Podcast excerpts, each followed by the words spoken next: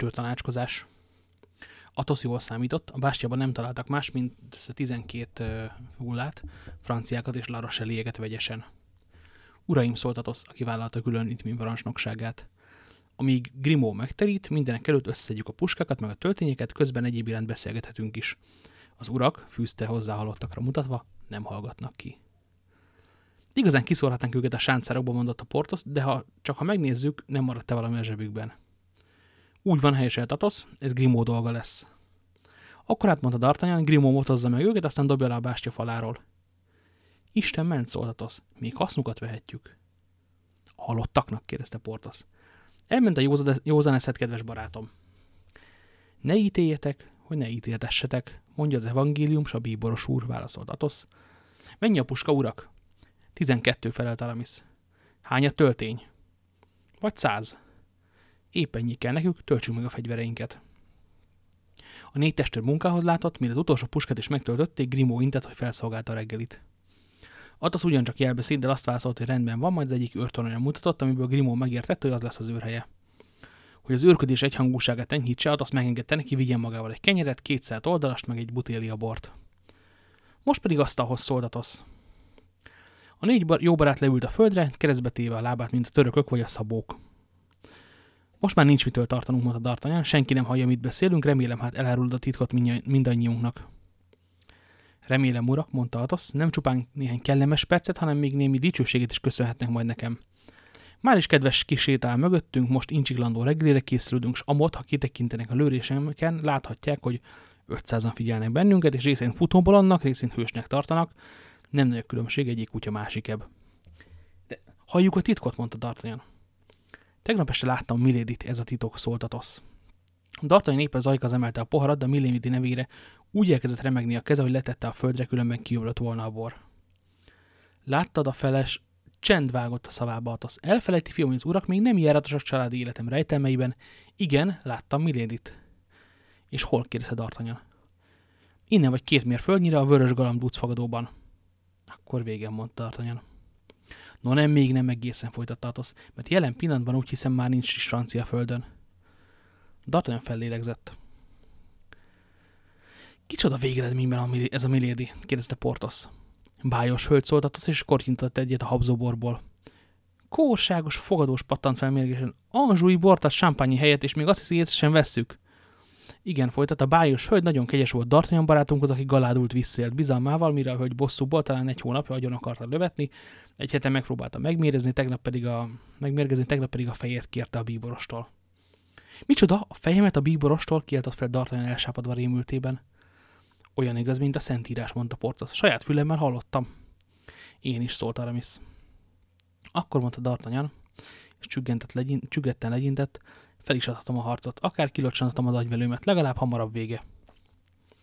Ezt az ostobaságot csak legvégső szedben szabad elkövetni, mondta Atos, annál is inkább, mert ez igazán jóvá tehetetlen. Mindegy, mondta D'Artagnan. Akinek ilyen ellenségei vannak, az úgysem ússza meg. Itt van először is a Möngi ismeretlen, aztán Vardes gróf, akit háromszor döftem át, aztán a Milady, akinek titkába beláttam, és végül a bíboros, akinek áthúztam a bosszú terveit. Ez összesen csak négy szóltatosz, és mi is négyen vagyunk egy az egyhez. Az áldóját. Jól látom, Grimó integet, ez pedig azt jelenti, hogy csak hamar sokkal több ellenséget gyűlik meg a bajunk. Mi baj, Grimó? kérdezte Atosz. Tekintettel a helyzet komolyságára, megengedem, hogy megszólalj, de kérlek, légy lakonikus. Mi az? Csapat. Hányan? Húsz ember. Kifélék. 16 árkász, négy katona. Hány lépésnyire? 500. Jól van, ezt a csirkét még megehetjük, de ihatunk az egészségedre, D'Artagnan. Egészségedre visszhangozta Portos és Aramis. Hát jó, egészségemre, bár nem nagyon hiszem, hogy sok hasznát vehetném a jó kívánságoknak. Ej, szóltatos, nagy az Isten, ahogy Mohamed hívei mondják, és az ő kezében a jövő. Aztán kiitta a parat, letette maga mellé, kényelmesen felállt, felvett egy puskát, és az egyik lőréshez ment. Portos, Aramis és D'Artagnan ugyanúgy, Grimo azt a parancsot kapja, álljon a négy cimbora mögé, és töltögesse a fegyvereiket. Egy perc múlva felbukkant a csapat, a bástyát meg a várost összekötő futóárok félében haladt. Az áldóját szóltatos. Nem is tudom, miért ugrálunk 15-20 csákányos ásós lapátos majom miatt. Szentül hiszem békén hagytak volna, ha Grimo odaint nekik, hogy távozzanak. Alig, ha mondta D'Artagnan, mert felettébb határozottan közelednek, különben is négy karabies katona meg egy brigadéros van a lapátosokkal. Közelednek, mert még nem vettek észre, szólt Atosz. Bizisten, mondta Aramis, bevallom, mód feletten nem van nyavajás polgárok lövöldözni. Rossz papa kiszánja az eretneket, mondotta Portos. Aramisnak igaza van, szólt Atosz, megyek, szólok is nekik. Mi az ördögöt akar kérdezett D'Artagnan? Szeretnék, ha lepuffantanák? Atosz azonban ügyet sem vetett a fegyelmeztetésre, fellépett a lőrésre, egyik kezében a puskát, fogta, másikban a kalapját. Uraim, szólította meg a katonákat és az árkászokat, akiket meglepett felbukkanása, és mint egy ötven lépésre megálltak a bástya előtt. Uraim, és közben udvariasan üdvözölte őket, néhány jó barátom meg én éppen itt a bástyán reggelizünk. Tudják ugyebár, hogy semmi sem olyan kellemetlen, mint a reggeli közben megzavarják az embert, kérjük hát, hogy amennyiben halasztatlan dolguk van itt, várják meg, míg reggelinket befejezzük, vagy térjenek vissza később, ha ugyan fel nem éved uraságotokban az üdvös óhaj, hogy elhagyják a pártütés zászlát, és hozzánk álljanak a francia királyra emelve poharukat. Vigyázzatos, kielt D'Artagnan, nem látod, hogy rád céloznak? De igen, szóltat, de a polgár úgyis rosszul cél, az véletlenül sem találnak el. Csak ugyan már is eldördült négy puska, a golyók ott lapultak szét az körül, de egy sem találta el. Négy másik lövés volt a válasz, csak nem ugyanebben a percben, de ezek már jobbára megválasztották a célt, mint az imént, jobban megválasztották a célt, mint imént a támadók lövései. Három katona menten szörnyet halt, egy árkász megsebesült. Grimó másik karabét szólt azt még mindig a lőrésről. Grimó nyomban engedelmeskedett, a három cimbora szintén megtöltötte a fegyverét, az előbbi sortüzet újabb követte, a brigadéros meg két árkász holtan rogyott le, a többiek megfutamodtak. Most pedig kitörünk, urak, vezényelt Atosz. A négy barát kirahant az erődből, erőnyom, előre nyomult az ütközet szinteréig, felszette a négy karabéját, és a brigadéros tiszti láncsáját, megállapították, hogy a menekülők a városig alig állnak meg, tehát győzelmi zsákmányukkal visszafordultak a bástya felé. Töltsd meg újra puskákat, Grimó, puskákat, Grimó, szólt Atosz, mi pedig uraim reggelizzünk tovább, és folytassuk a beszélgetést. Miről is volt szó? Majd én megmondom. Mondta D'Artagnan, akit módfele tagasztott a Milady utazása. Milady Angliába megy mondta Atos. Mit keres ott? Meg akarja ölni, vagy meg akarja öletni Buckinghamet? D'Artagnan felkiáltott, meglepte és felháborította a dolog. A gyalázatos. Erre különben csak azt mondhatom, hogy meg Atos, hogy felőlem azt tesz, amit akar. Nogrimó látom befejezett, folytat Atos. Fogd hát a brigadéros láncsáját, közd az egyik asztalkendőt, és tűzd a bástya tetejébe, hadd lássák a pártotő Larosselliek, hogy itt vannak a király bátor hű katonái. Grimó szó nélkül teljesítette a parancsot, és egy perc múlva a négy jó barát feje fölött lengedett a fehér lobogó, mennydörgő taps üdvözölte megjelenését, a féltábor felsorokozott a sáncokon. Ezek szerint akkor még nem volt megadási zászló a fehér. Na érdekes. Nem értem, folytatta D'Artagnan felület, tehát akár meg is ölheti, vagy megölheti Buckingham, de hisz a herceg a barátunk. A herceg angol. A herceg harcban áll velünk, csinálja vele az a nő, amit akar, annyiból se veszem, mint egy üres butéliát. Azzal messzire hajította az egyik üres palackot, miután az utolsó cseppeit is a poharába ürítette. Lassan a testem, mondta D'Artagnan. Ilyen olcsón nem adom Buckinghamet, kitől kaptuk, hanem tőle a szép lovainkat. És a még szebb nyergeinket szólt közben Portos, aki most is a köpenyén hordta még a nyerekhez való passzamántot. Azon kívül szólt Aramis, Isten nem a bűnös halálát, hanem a megtérését kívánja. Ámen, hogy te Rátosz. Ha úgy akarjátok, erről majd később beszélgetünk, pillanatnyilag az aggasztott leginkább. Tudom, D'Artagnan, te megérted aggodalmamat? Hogyan szerezhetem vissza ettől nőtől azt a korlátlan meghatalmazást, amelyet a bíborostól kicsikart, hogy büntetlenül eltehessen lábalól téged is, meg talán bennünket is? Maga az eleven ördög ez a némber, mondta Portos, és tányírját nyújtotta Aramisnak, aki a sülcsirkét vágta darabokra. Vajon most csak kezében van ez a felhatalmazás? kérdezte D'Artagnan. Nem, már itt van az enyémben. Isten úgyse hazudnék, ha azt mondanám, hogy könnyű volt megszerezni. Jaj, kedves azt mondta D'Artagnan, megint kegyednek köszönhetem az életemet, hát nem is tudom, hanyatszor. Szóval azért váltál el tőlünk, hogy felkeresd azt a nőt, kérdezte Aramis. Igen, azért. És nálad van a bíboros levele érdeklődött D'Artagnan. Tessék, itt van. És az értékes papírost előhűzte az a zsebéből, D'Artagnan felnyitotta, de nem is próbálta leplezni kezere megisét, és felolvasta az írást. Jelen sorok birtokos a parancsom szerint az állam érdekében tette, amit tett. 1627. december 3 is Eliő. Igen, szólt Aramis, szabályszerű felmentés és felhatalmazás. Szét kell tépni ezt a papírt, mondta D'Artagnan. Úgy érezte, mint a tulajdon hajálós ítéletét olvasná. Épp ellenkezőleg indette át az. Úgy vigyázunk rá, mint a szemünk fényére. Akkor sem adnám senkinek, ha aranyat adnának minden betűjéért. Mit csinál majd ezek után az a nő? kérdezte a fiatalember. Mit csinálna, mondta nyugodtan Atosz.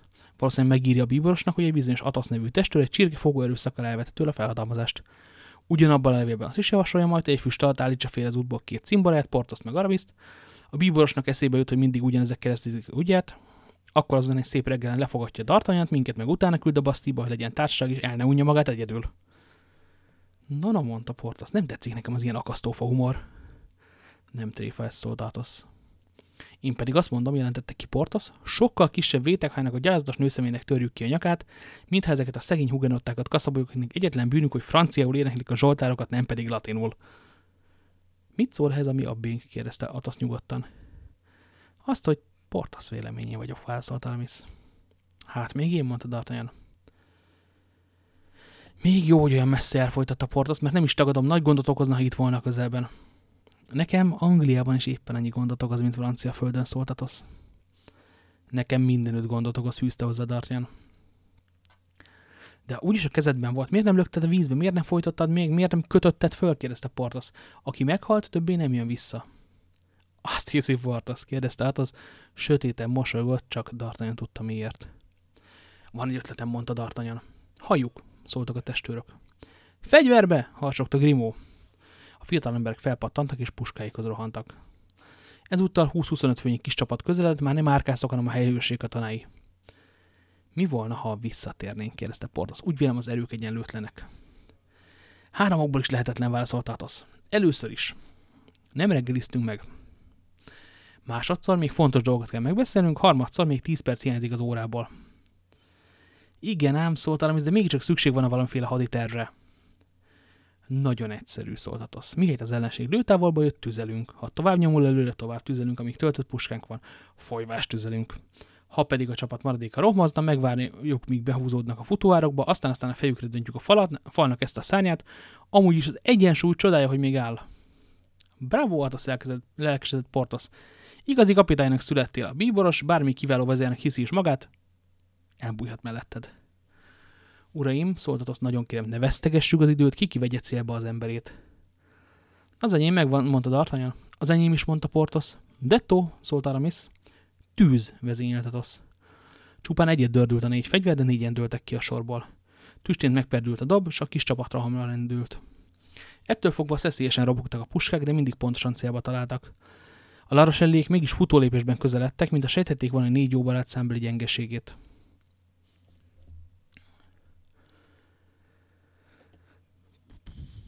Itt van az, amikor elveszti az ember a sort. Már egészen a bástya alá jutott az ellenség, és még mindig voltak 10-15-en. Újabb sortűz fogadta őket, de nem hátráltak. Beugráltak a futóárokba, neki készültek, hogy megrohamozzák a falasnékot.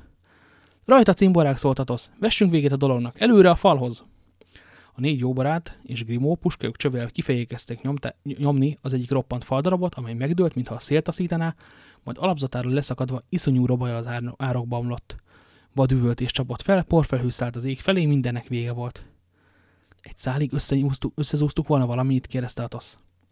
Azt hiszem, mondta D'Artagnan. Nem, szólt Portos, úgy látom, kette-hárman alaposan helybe hagyva menekülnek. Valóban három-négy megtépázott, vérzőnyomborút kúszott végig a dűlőn a város felé, ennyi maradt a kis csapatból. Atosz az órájára pillantott. Uraim, mondta. Egy órája vagyunk itt, tehát megnyertük a fogadást, de ha már játszunk, játszunk nagyban. D'Artagnan még amúgy sem mondta az ötletét. Az a testőr szokás szerint most is nyugodtan leült, hogy folytassa a reggelizést. Az ötletemet kérdezte D'Artagnan. Igen, azt mondta, valami ötlete van, szóltatosz. Igen, tudom már, mondta D'Artagnan. Másodszor is átmegyek Angliába, és felkeresem Buckingham herceget. Ezt nem teszi D'Artagnan, szóltatosz idegen. Ugyan miért talán még sosem tettem? De igen, csak hogy akkor nem volt háború. Akkor Buckingham herceg a szövetségesünk volt, most pedig az ellenségünk, ha átmenné, azt mondanák, elárulta az zászlót. D'Artagnan belátta, hogy az érvel is találó, és elhallgatott. Nos, mondta Portos, úgy hiszem nekem is van egy ötletem. Csendet kérünk, Portosnak ötlete van, szólt Aramis. Kitalálok valami ürügyet, az ilyesmi sosem volt erős oldalam, én meg szabadságot kérek Trévi úrtól, Miled engem nem ismer, semmi sem ugyanít majd, ha közelébe férközöm, s ha a kezembe kerül a gyönyörűség, belefolytam a szuszt. Hát, szóltat, azt nem is idegenkedem túlságosan Portos ötletétől. Ah, piha, tiltakozott Aramis. Asszony tölni, ne is beszéljünk róla. Hallgassák meg inkább az én ötletemet, az az igazi. Halljuk az ötletét Aramis szólt Atos, aki mindig nagyon előzékeny volt ifjú testőrhöz. Értesíteni kell a királynét. Az ám szólalt meg egyszer Portos és D'Artagnan. Azt hiszem ez a megoldás. Értesítenek királynét szóltatosz. De hogyan? Vannak az udvarral kapcsolataink? Kit küldhetünk Párizsba, hogy a táborban meg ne tudják? Innen Párizsig 140 mérföld az út, levelünk még Ánzsébe sem ér, és mi már is a hűvösön ülünk. Ha csak azon múlik, hogy mi módon juttassuk el bizonyostan ő felségez egy levelet, szóltat az elpirulva, azt én vállalom. Ismerek turban egy igen üres, ügyes szemét. Aramis látta, hogy Atos mosolyog elhallgatott. Nos, Atos, mondta D'Artagnan, nem tetszik a megoldás? Nem vetem el egészen, szólt Atos. Csupán arra szeretném felhívni Aramis figyelmét, hogy a tábor nem hagyhatja el, magunkon kívül senkiben nem bízhatunk, még ki sem húzta a lábát a hírvívő, két óra már valamennyi, valamennyi kapucinus, valamennyi kopós, a bíboros, valamennyi csuhásabb betéve tudja a nevű levelünket, és kegyet kedves Aramis lakhat alá kerül, akár csak az a bizonyos ügyes személy. Arról nem is szólva mondta Portos, hogy a királyni, ha segít is Buckingham hercegen, mi rajtunk alig, ha segít. Uraim, szólt meg D'Artagnan, Portos fején találta a szöget. Ni csak, mire készülnek a városban, kérdezte Athos. Riadóra dobolnak. A négy jó barát elhallgatott, csak ugyan egész a bástyáig hallatszott a dobszó. Meglátjátok, egy egész ezredet küldenek ránk, szólalt meg Athos. Egy egész ezreddel talán csak mégsem verekszünk, kérdezte Portos. Miért ne kérdezte a testőr? Nagy kedvem volna hozzá. Megverekedném egy egész hadsereggel, ha eszünkbe jutott volna magunkkal hozni, vagy 10-12 butéliát. Istenemre, ez a dobszó közeledik, mondta D'Artagnan. Hadd közeledjék, mondta Athos. A város tőlünk legalább negyed órányira van, következésképpen mi is annyira vagyunk a várostól. Ennyi idő nem is kell, hogy kidolgozzuk a tervet, ha innen kimozdulunk, hiába is keresünk erre alkalmasabb helyet. Hoho, urak, most jutott csak eszembe az igazi ötlet. Mondja hát. Engedjék meg, hogy közöljek Grimóval néhány rendkívül fontos parancsot. Athos magához intette az inasát. Grimó, mondta neki a bástyán nevő, ha, ha, halottakra mutatva összeded az urakat, és neki támasztod őket a falnak, kalapjukat a fejükbe, puskégot a kezükbe nyomod. Ó, nagy ember, mondta D'Artagnan, értelek. Érti? kérdezte Portos. Hát érted, Grimó szólt Aramis. Grimó bólintott. Ez a fontos szólt az akart vissza az ötleteimhez. Én is szeretném megérteni, mondta Portos. Nem lényeges. Halljuk, halljuk, Atasz ötletét követelte D'Artagnan és Aramis.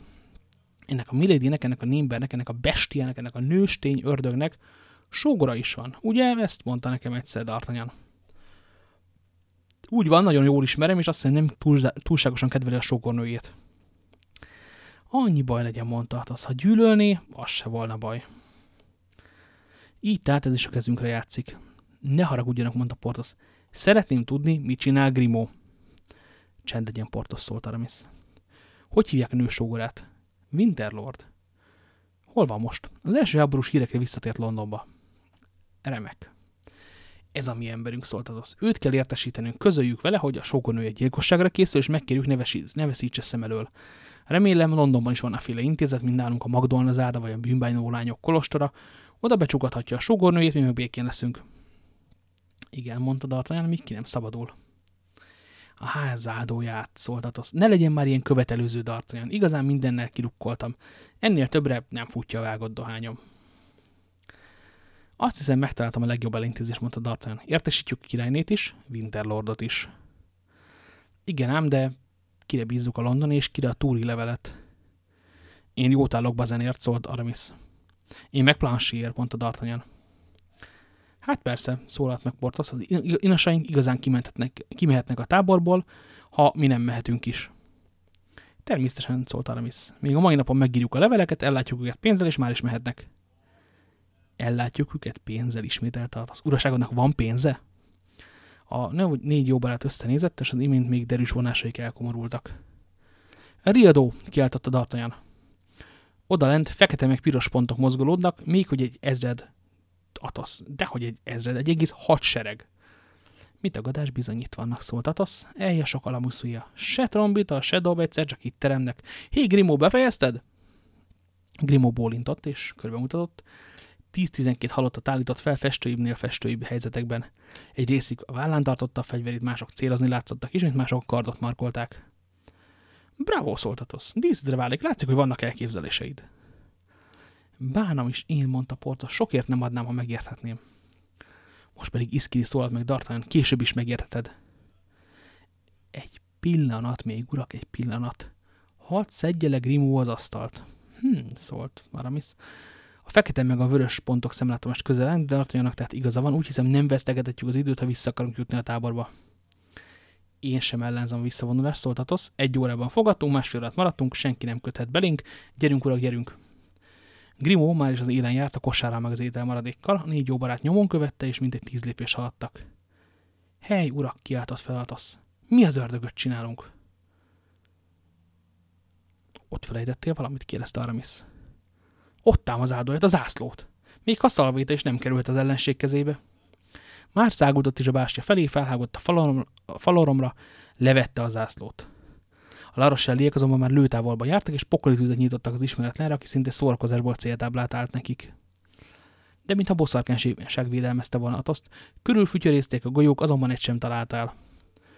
Atosz hátat fordított a városból érkezett csapatnak, és üdvözlésképpen meglengette a tábor felé a zászlót. Innen is, onnan is nagy lárma csapott fel, innét dű, onnan lelkesedés kiáltásai. Az első második sortűz követte, három golyó ütötte át, és valóban zászlóvá vatta az asztalkendőt. Oda, hallott, oda hallatszott, hogy kiáltja egy emberként az egész tábor. Le a falról, le a falról! Atosz leugrott, bajtásai aggódva vártak, és nagyon megörültek neki. Rajta, Atosz, rajta, mondta D'Artagnan, siessünk, ha pénzünk nincs is, különben megvan mindenünk. Bolondság volna, ha most hűbe harapnánk. Atosz azonban tovább is méltóságosan lépkedett, bármit beszéltek a cimborái, azok meg amikor látták, hogy kár minden beszédért, inkább ő hozzáigazodtak. Grimó és a kosár már jókor előnyt szerzett, lőtávolon kívül jártak mind a ketten. Csak hamar dühött lövöldözés lármája csapott fel. Hát ez meg mi kérdezte Portos? Kire lőnek? Senkit nem látok, nem hallok golyót fütyülni. A halottainkra lőnek, felelte Atosz. De hisz a halottaink nem lőnek vissza. Persze, hogy nem. A támadók majd kelepcit gyanítanak, és meghányják vetik a dolgot, követet küldenek, és mire felfedezik a tréfát, mi már lőtávolon kívül leszünk. Fölösleges tehát sietnünk, semmi szükségünk a tüdőgyulladásra. Ja, hát most már értem, ámuldozott Portos. Hála Isten szóltat, és vállat vont. A franciák pedig, amikor látták, hogy milyen kényelmesen sétál a négy jó barát, diadal kiáltásokkal üdvözöltek őket. Most újabb lövöldözés ropogott, ezúttal barátaink körül a kavicsokon lapultak szét a golyók, és bajósratóan fütyöréztek a fülükbe. A laroselliek végre elfoglalták a bástyát. Ezek sem mennek sokkal a tudományukkal, szóltatosz. Hány ember kötöltük meg? Tizenkettőt? Vagy tizenötöt. Hányat lapítottunk agyon? Nyolc, tizet. Nekünk meg a hajunk szála sem görült. No, no, vagy igen, mi történt a kezével, Dartanyan? Vérzik? Semmiség, mondta Dartanyan. Fáradt golyó? Még csak az sem. Hát, akkor micsoda? Mint említettük, Atos úgy szerette Dartanyant, mint a fiát, és ez a borús rendületlen jellem néha atyai aggodalmat érzett a fiatalemberért. Hm, csak egy karcolás. Két kő közé szorult az ujjam, a fal meg a gyűrűm köz, köve közé, és attól repett ki a bőröm. Nos, úrfi, így jár, akinek gyémántja van, szólt megvetően Atosz. Micsoda pattant fel Portos, hisz csak ugyan itt a gyémánt. Ha meg itt a gyémánt, mi a felének panaszkodunk, hogy nincs pénzünk? Persze, szólt Aramis. Remek Portos, ez már ötlet a javából. Hát igen, mondta Portos, és kidüllesztette a mellét, az dicséretenek hallatára. A gyémánt megvan, adjuk el. Csak hogy mondta D'Artagnan, a gyémánt a királyné gyémántja. Annál inkább jelentette ki Atosz.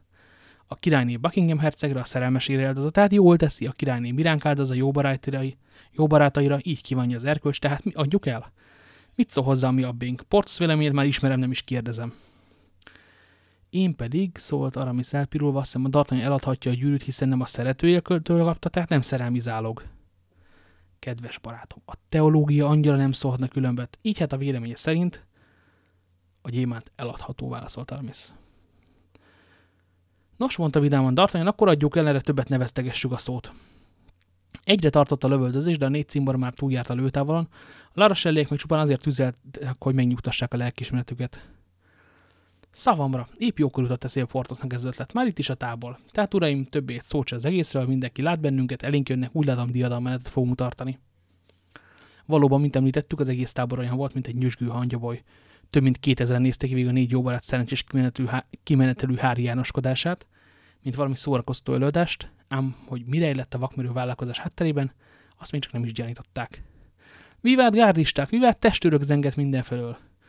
Buszinyi úr elsőnek szóltott kezet Atosztal, és elismerte, hogy elvesztette a fogadást. Utána a Dragonyos, meg a svájci következett, a svájci meg a Dragonyos után pedig a többi cimbora. Vége hossza nem volt a sok szerencse kívánatnak, készfogásnak, ölésnek, és jót kacagtak a Larossellieken, szóval olyan felfordulás kerekedett, hogy a Beaver szinte zendülésre gondolt, és elküldte gárdistájának kapitányát, La Houdiniert, nézzen utána, mi történt. A hírvívőnek azon melegében lelkenezve adták el, elő a történetet. Nos, kérdezte a bíboros, amikor La Houdinier visszatért. Nos, kegyelmes uram felelte, három testőrmegi gárdista fogadott Buszínyi úrral, hogy a San Gervasius bástyában reggelizik. Ott is reggeliztek, két óráig verekedtek az ellenséggel, és Isten tudja hány előtt pusztítottak el. Tudja a három testőr nevét?